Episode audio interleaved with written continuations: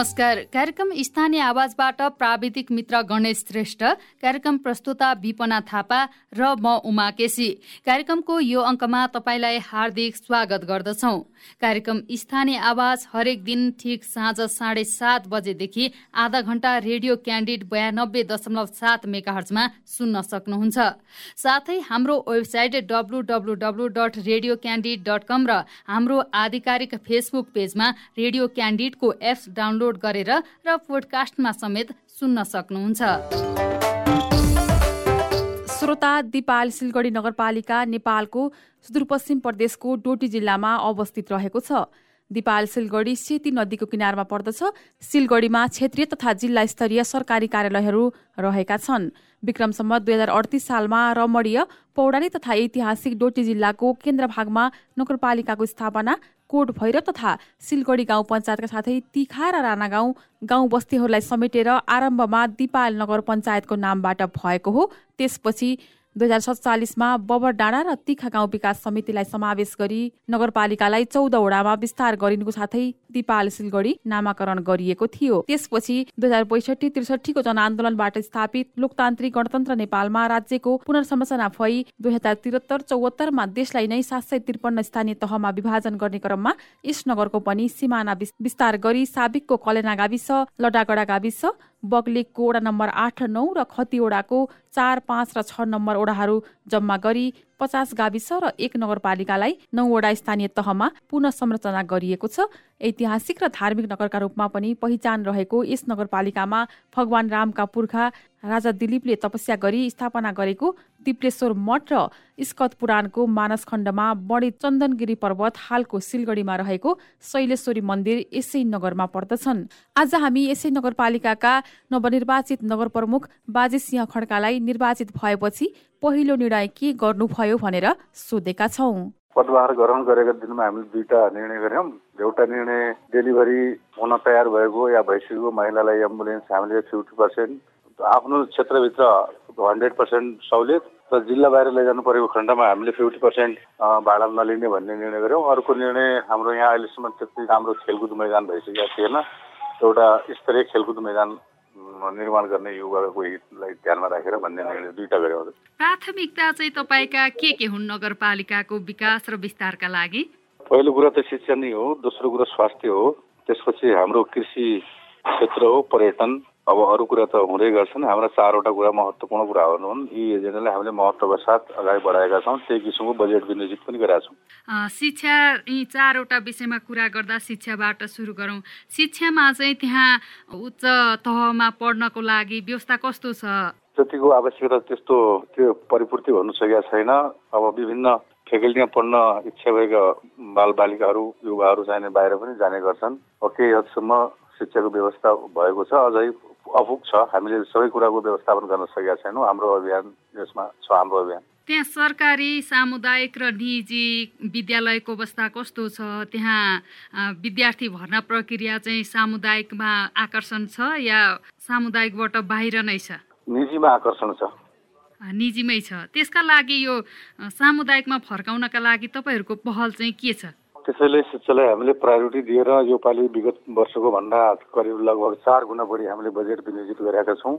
त्यसको उद्देश्य त्यो पनि हो कि भोलि सरकारी सामुदायिक स्कुलहरूमा बालबालिकाको आकर्षण बढोस् अभिभावकहरूको भरोसा बढोस् भन्ने खालले हामीले त्यसरी विनियोजित गरेका छौँ बजेट। कहिलेसम्म चाहिँ तपाईँहरूले यो शिक्षाका लागि चाहिँ अलि सामुदायिक विद्यालयहरूलाई चाहिँ पढौँ पढौँ सामुदायिक विद्यालयमा भर्ना गरौँ गरौँ जस्तो चाहिँ कहिलेसम्म बनाउनुहुन्छ? तपाईँको कार्यकाल त अझै पाँच वर्षसम्म छ। त्यस्तै खालको पढौँ पढौँ भर्ना गरौँ गरौँ भन्ने मनसाय बनोस् भन्ने कुरामा हाम्रो चासो र चिन्ता छ। त्यसका लागि हामीले अब यसरी बढीभन्दा बढी बजेट विनियोजित पनि गरेका छौँ।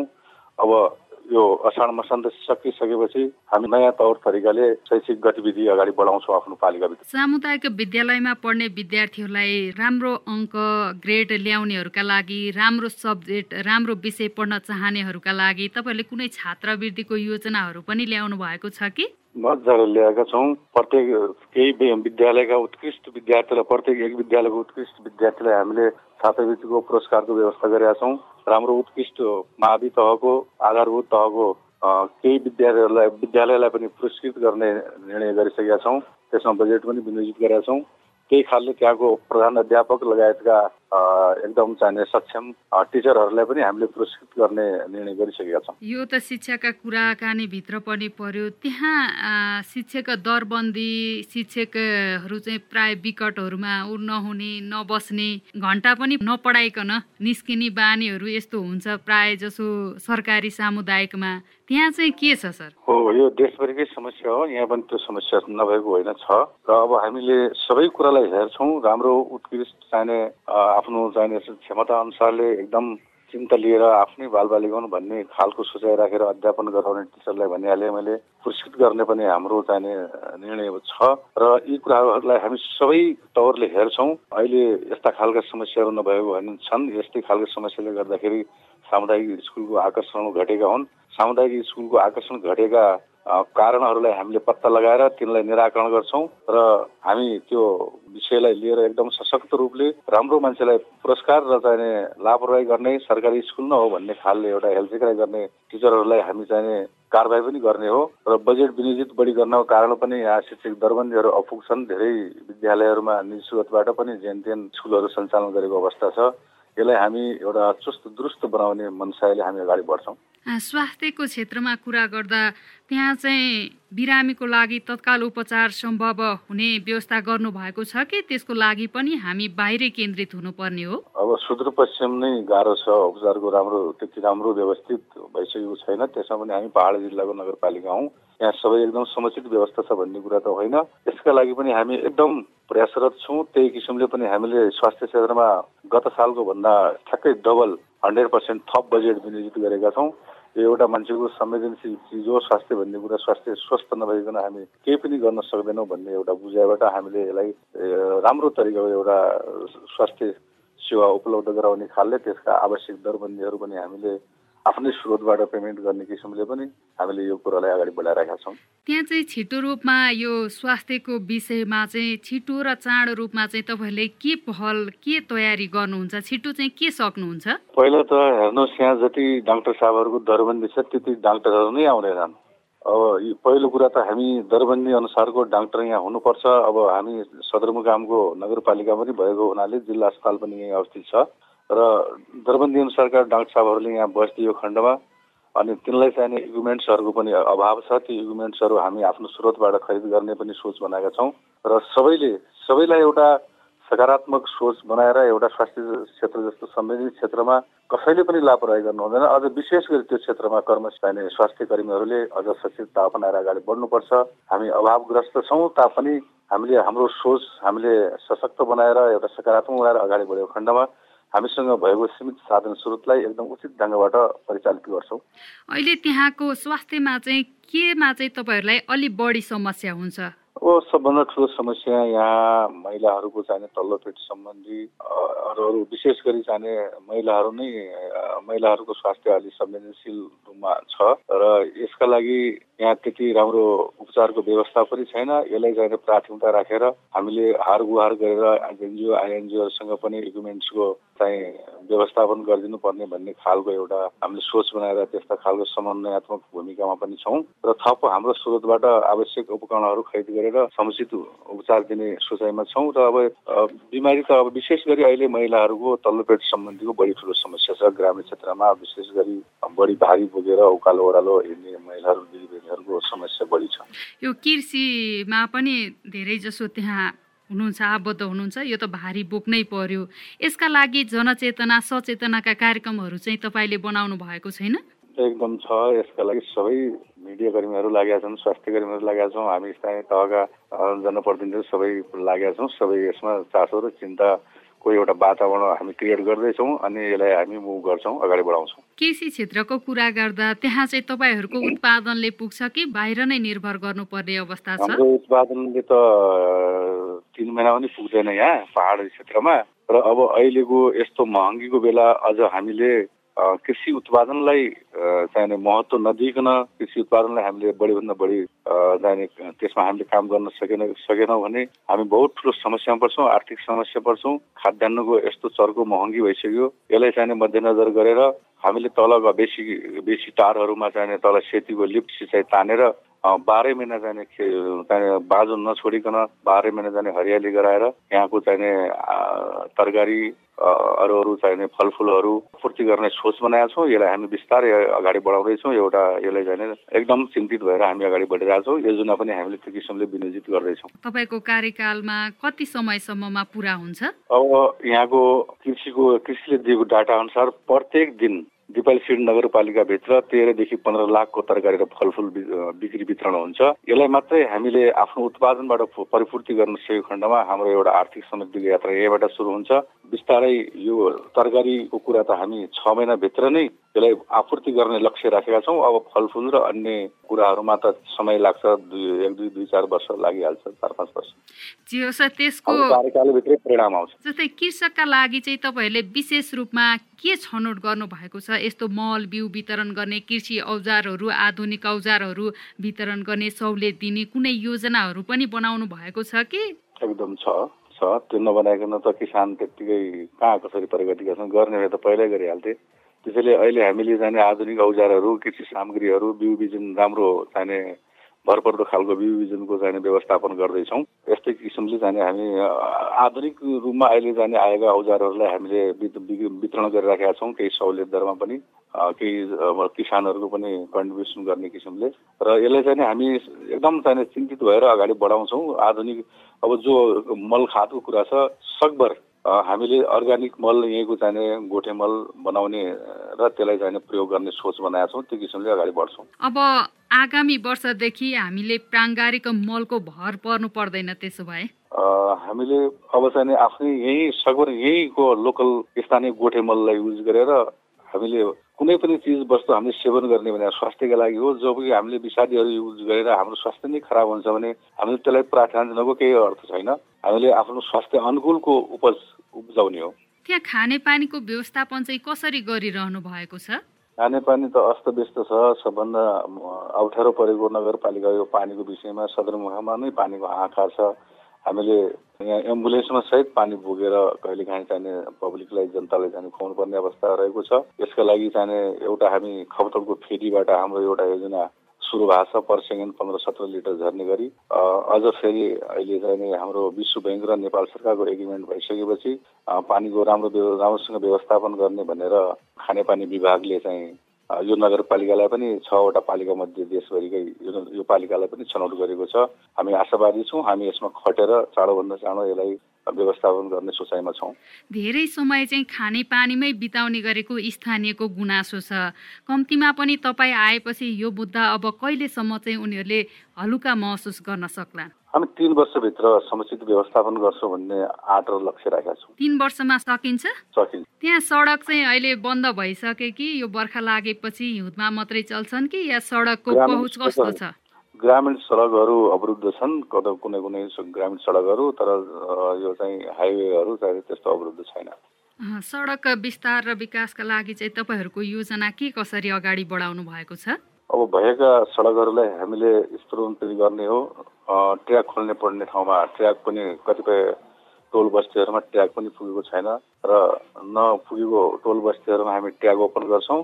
जहाँ हामीले बाटाहरू खनिसकेका छौँ काटिसकेका छौँ त्यसलाई स्तरोन्नति गर्ने मनसायका साथ हामीले बजेट त्यही किसिमले विनियोजित गरेर अगाडि बढेका छौँ। त्यहाँ स्थानीय युवा लक्षित कार्यक्रमहरू चाहिँ तपाईँहरूले के के समावेश गर्नुभयो? बजेट त सार्वजनिक गरिसक्नुभयो। अब युवाहरूको लागि विशेष गरी युवाहरू शिक्षातिरै स्वास्थ्यतिर ध्यान दिउन् भन्ने सोचाइ छ। त्यसका अलावा उनीहरूको एउटा आवश्यकता खेलकुद पनि हो। त्यसैले यो नगरपालिकाका नगरपालिका क्षेत्रभित्र साना साना टोल बस्तीमा खेल मैदान भए तापनि त्यसले हामीले धान्न सकेका छैनौँ। दुईदेखि तिनवटासम्म एउटा जिल्ला स्तरीय खेलकुद गराउन सकिने र त्यसमा एउटा चाहिँ राष्ट्रिय लेभलको पनि खेलहरू गराउन सकिने खालको एउटा खेल मैदानहरू पनि बनाउँदैछौँ। फेरि जनचेतनामूलक अहिलेको चाहिँ यो लागु औषध जस्ता विकृतिहरूले चाहिँ युवाहरूमा ठुलो चाहिँ क्षति गर्ने सम्भावना देखिन्छ। यतातिर पनि ध्यान गरेर हामीले जनचेतनाका कुराहरू गोष्ठी सेमिनार छलफलहरू चलाउने सोच बनाए बनाएका छौँ। युवाहरूलाई चाहिँ स्थानीय स्तरमै रोजगारीको प्रबन्ध बिलाउने कुनै योजनाहरू चाहिँ समावेश गर्नु भएन अब यसका लागि हामी प्लानिङ गर्दैछौँ केही बजेट हाम्रो डल्लो बजेट राखेका छौँ यसलाई यो महिनाभित्र हामी बाँकी रहेको बजेटलाई पनि विनियोजित गर्छौँ। त्यतातिर हाम्रो ध्यान आकर्षण छ। यहाँ विभिन्न समयमा अब यो द्वन्द्वकालीन समयका घटनाहरू पनि भएका होलान् त्यहाँ कतिपय एकल परिवारहरू पनि होलान्। तपाईँ जनप्रतिनिधि भएर आएपछि त्यस्ता मुद्दाहरूका लागि उनीहरूका ती परिवारका लागि कुनै योजनाहरू समावेश गर्नुभएको छ? थप साँच्चीकै पीडामा परेको सहारा नभएको एकल महिला लगायत अन्य थप जाने दाजुभाइ दिदीबहिनीहरूका लागि हामीले एउटा सहुलियत पसल सञ्चालन गर्ने सोच बनाएका छौँ। पुरै नगरपालिकामा यो पालि लागू गर्न नसके पनि हामी ट्रायलको रूपमा दुई तिनवटा वडालाई लिन्छौँ र त्योभित्र भएका चाहिँ असहाय गरिब सहारा नभएका एकदम विभिन्न वर्गलाई हामी एउटा त्यस त्यो खालको एउटा कार्ड वितरण गर्छौँ। त्यो कार्डको आधारबाट तिनीहरूलाई सहुलियतमा अन्नपात खुवाउने हामीले सोच बनाएको छौँ। वृद्ध वृद्धाको भत्ताको वितरण चाहिँ तपाईँहरूले कसरी गर्दै हुनुहुन्छ? अब माथि केन्द्रीय सरकारले सङ्घीय सरकारले दिएको ज्येष्ठ नागरिकको सम्मान स्वरूप भत्ता त आफ्नै किसिमले भइरहेको छ। ब्याङ्किङ मार्फत हुन्छ ब्याङ्कबाट सबैजना बुझ्नुहुन्छ। अरू थप चाहिने उहाँहरूको सहुलियतका लागि हामीले आफूले सञ्चालन गरेका वर्षहरूमा छुट दिने र थप उनलाई सम्मान प्रतिष्ठा गर्ने खालले समय समयमा सम्मानित गर्ने खालको योजनाहरू ल्याएको पहिलो कार्यकालमा भएका कतिपय कामहरू पनि बाँकी नै होलान्। तपाईँ आफ्नै हिसाबले योजना र बजेटमा समेट्नु भयो कि अगाडिका कार्यक्रमहरूलाई पनि अगाडि बढाउने हिसाबले ल्याउनु भएको छ? राम्रा कामहरूलाई हामीले साथ गरेका छौँ तिनलाई समेटेका छौँ। केही जाने हामीलाई मन नपरेका जनताको पक्षमा नभएका योजनाहरूलाई हामीले कटौती गरेका छौँ। तपाईँको मतदाता वा जनतालाई महसुस हुने काम चाहिँ तपाईँले छिट्टोमा के गर्नुहुन्छ? सबभन्दा पहिला त हामी पानीको व्यवस्थापन गर्छौँ चाहे त्यो खानेपानी होस् चाहे त्यो सिँचाइको कुरा होस्। त्यसपछि हामीले फलफुलका बिरुवाहरूलाई खरिद गरिसकेका छौँ। हामी अब एउटा वडालाई नै फलफुल वडा घोषणा गरेका छौँ र एउटा वडालाई मसला खेती घोषणा गरेका छौँ। तिनीहरूलाई हामीले सकेको राम्रो चाहिने बिउ बिजनहरू दिन्छौँ बोट बिरुवाहरू दिन्छौँ र तुरन्तै यो यो वर्ष नै हामीले लिफ्ट सिँचाइलाई प्राथमिकता दिएका छौँ। लिफ्ट सिँचाइको माध्यमबाट हामी कृषिलाई फरक ढङ्गबाट आधुनिककरण गरेर हामी चाहिँ अगाडि बढी बढिने एकदम दृढ सोच र सङ्कल्प लिएर हामी अगाडि बढेका छौँ। धेरै स्थानीय तहहरूमा चाहिँ कागजमा योजना मिलाएर भ्रष्टाचार गर्ने यो प्रवृत्ति एकदमै धेरै मौलाएको छ। तपाईँले चाहिँ पारदर्शितालाई चाहिँ कसरी ध्यान दिनुहुन्छ? मैले सबभन्दा मेरो ध्यान आकर्षण त्यतातिर पनि छ। म लगायत मेरो टिमको। अहिलेसम्म यो भ्रष्टाचारी भ्रष्टाचारले लतपत्तीको अनुभव र मान्छेलाई बुझाइ त्यही भएको छ पब्लिकलाई यो योले गर्दाखेरि केवल हामी व्यक्तिगत रूपमा हामीलाई व्यक्तिगत रूपमा आक्षेप मात्रै होइन कि? यो देशमा स्थापना भएको सुन्दर गणतान्त्रिक व्यवस्था र राजनीतिक दल र राजनीतिक कर्मीप्रति पनि एउटा जनताको अलिकति अविश्वास बढ्दै गएको छ। यो देशमा स्थापना भएको सुन्दर गणतन्त्र गणतान्त्रिक व्यवस्था र नेता राजनीति पार्टी र राजनीतिक दल राजनीति गर्ने व्यक्तिहरूसँग यो कुरा सरोकार राख्दछ र सबै नीतिको मूल नीति राजनीति भएको हुनाले यसको मूल्य मान्यता यसको सान्दर्भिकतालाई स्थापित गर्ने गर्नका लागि सबभन्दा पहिला राजनीति क्षेत्रमा पदमा आसीन भएका राजनीतिक कर्मीहरूले भ्रष्टाचारलाई निर्मूल गर्नुपर्छ भ्रष्टाचारको लेभललाई घटाउँदै लैजानुपर्छ र राजनीतिप्रति जनताको भरोसालाई बढाउन सकेको खण्डमा हामीले राजनीति गरेको पनि औचित्य रहन्छ। र यही सोचमा मैले एकदम कडाइका साथ एकदम मेरो ध्यान आकर्षित भएको छ। कि हिजोका दिनमा उपभोक्ता समितिमा बसेर ठेकेदारी हिसाबले चलाएर जति चाहिने हामीले जुन प्रतिफल लिनुपर्ने योजनाबाट त्यो नलिकन व्यक्ति मोटाउने कामहरू यस्तो किसिमको सिकाइ भएको छ। अझै सुदूरपश्चिम सरकारका क्रियाकलापले त यहाँ जनताहरू आजित भएका छन्। एउटा जाने व्यक्तिका नाउँमा यहाँ योजना बाँड्ने काम क्रियाकलापहरू भइराखेका छन्। र यसलाई हामी निरुत्साहित गर्दै हाम्रो पालिकाबाट विनियोजित हुने र बजेट जो छ यसलाई हामी चुस्त दुरुस्त र बनाउने हेतुले मैले आफैले जानेका बुझेका सूत्रहरूलाई प्रयोग गरेर यसलाई चाहिँ यसै साल उपभोक्ता समितिमा बस्नु भनेको त दुःख पो रहेछ यहाँ जाने कहाँ खाना पाइन्छ भन्ने खालको इन्भाइरोमेन्ट मैले क्रिएट गर्ने लक्ष्य राखेको छु। मैले प्रत्येक उपभोक्ता समितिको प्रत्येक उपभोक्ताहरूको रोहबरमा बिल पेमेन्ट भइसकेपछि प्रत्यक्ष रूपले पब्लिक अडिट गराएर सामाजिक सार्वजनिक समीक्षा मार्फत एक रुपियाँ पनि चुहावट नहुन दिने किसिमको सोचको म एकदम आफू मैले त्यसमा प्रतिज्ञा नै लिएको छु। तपाईँ पत्रकारिता क्षेत्रमा पनि लामो समय काम गर्नुभयो क्यारे? तपाईँले त्यो पत्रकारिताको ठाउँबाट देखेका समस्या र तपाईँ आफै चाहिँ त्यहाँ बस्दा चाहिँ कतिको फरक हुँदो रहेछ? कस्ता चुनौतीहरू आउँदो रहेछन्? सहज रहेछ? पत्रकारिता क्षेत्र भनेको आफैमा एउटा चुनौतीको क्षेत्र हो जुनमा एउटा बिग्रिएका नराम्रा गरेका चाहिँ भ्रष्टाचार गरेका कुकर्म गरेका क्रियाकलापहरूलाई पत्रकारले बाहिर ल्याउनु पर्ने हुन्छ। यो सजिलो कुरा होइन यो एउटा चुनौतीको कुरा हो। र मैले पनि करिब करिब तिन चार वर्ष जति कान्तिपुरकोमा रिपोर्टिङको काम गरेँ फर्स्ट ड्युटीमा। र त्यति बेला चाहिँ त्यस्तो कुनै किसिमको सहुलियत सुविधा नभएको कारणबाट मैले आफ्नो स्थिति अनुसार टिक्न नसकेको पनि कुरा हो। र फेरि मैले राजनीतिलाई प्रार्थना दिँदा मैले त्यो क्षेत्र छोड्नुपर्ने मेरो बाध्यता थियो। र मैले पत्रकारका समस्याहरू बुझेका छौँ। कयौँ पत्रकारले त ढर्रा गरेर जाने एउटा पत्रकारको नाउँमा ठगी गर्ने खालको एउटा प्रयास पनि गरेका छन् तर सबैको हकमा त्यस्तो कुरा होइन। केही पत्रकारहरूले साँच्चीकै भित्र लुकेका कुराहरू छिपेका कुराहरू कुना कन्द्रमा रहेका जानकारीमा परिचयमा नआएका कुराहरूलाई ल्याउन खोज्ने जुन जुन पत्रकार साथीहरूले प्रयास गरेका छन् शुद्ध मनले शुद्ध आचरणले तिनलाई हामीले प्रार्थना हाम्रो पालिकाबाट पनि के कस्ता खालका सहुलियत उहाँहरूलाई सुविधाहरू दिन सकिन्छ हामी त्यतातिर पनि सचेत छौँ। अन्त्यमा छुटेका केही छन् भने भन्न सक्नुहुन्छ। हजुरलाई पनि विशेष खालको धन्यवाद छ। अब अहिले परिणाम केही आएको छैन हामी सुरुवातमा छौँ। परिणाम आइसकेपछि हामी ढुक्कका साथ छाती चौक चाक्लो पारेर यहाँहरू समक्ष अझ कुरा आदान प्रदान गर्ने र अहिले सानो समयमा मेरा टुटाफुटा सानो भावनालाई एउटा गराएर जनसमक्ष पुर्याउने यहाँहरूले बाधा दिनुभयो यो मौका दिनुभयो। यसका लागि म मेरो व्यक्तिगत तर्फबाट दिपा नगरपालिका तर्फबाट हार्दिक धन्यवाद दिनु। हजुर धन्यवाद यहाँलाई पनि। हस् धन्यवाद। आजको कार्यक्रम स्थानीय आवाजमा हामीले डोटीको दिपाल सिलगढी नगरपालिकाका नवनिर्वाचित नगर प्रमुख बाजी छिया खड्कासँग आगामी योजनाका विषयमा केन्द्रित रहेर कुराकानी गर्यौं। कार्यक्रम सुनेपछि तपाईँलाई कुनै सुझाव वा प्रतिक्रिया दिन मन लागेको छ अथवा कुनै स्थानीय तहका प्रतिनिधिहरूसँग कुराकानी गरिदिए हुन्थ्यो भन्ने चाहनुहुन्छ भने हामीलाई रेडियो क्यान्डिडको फेसबुक पेजमा म्यासेज गर्न सक्नुहुन्छ।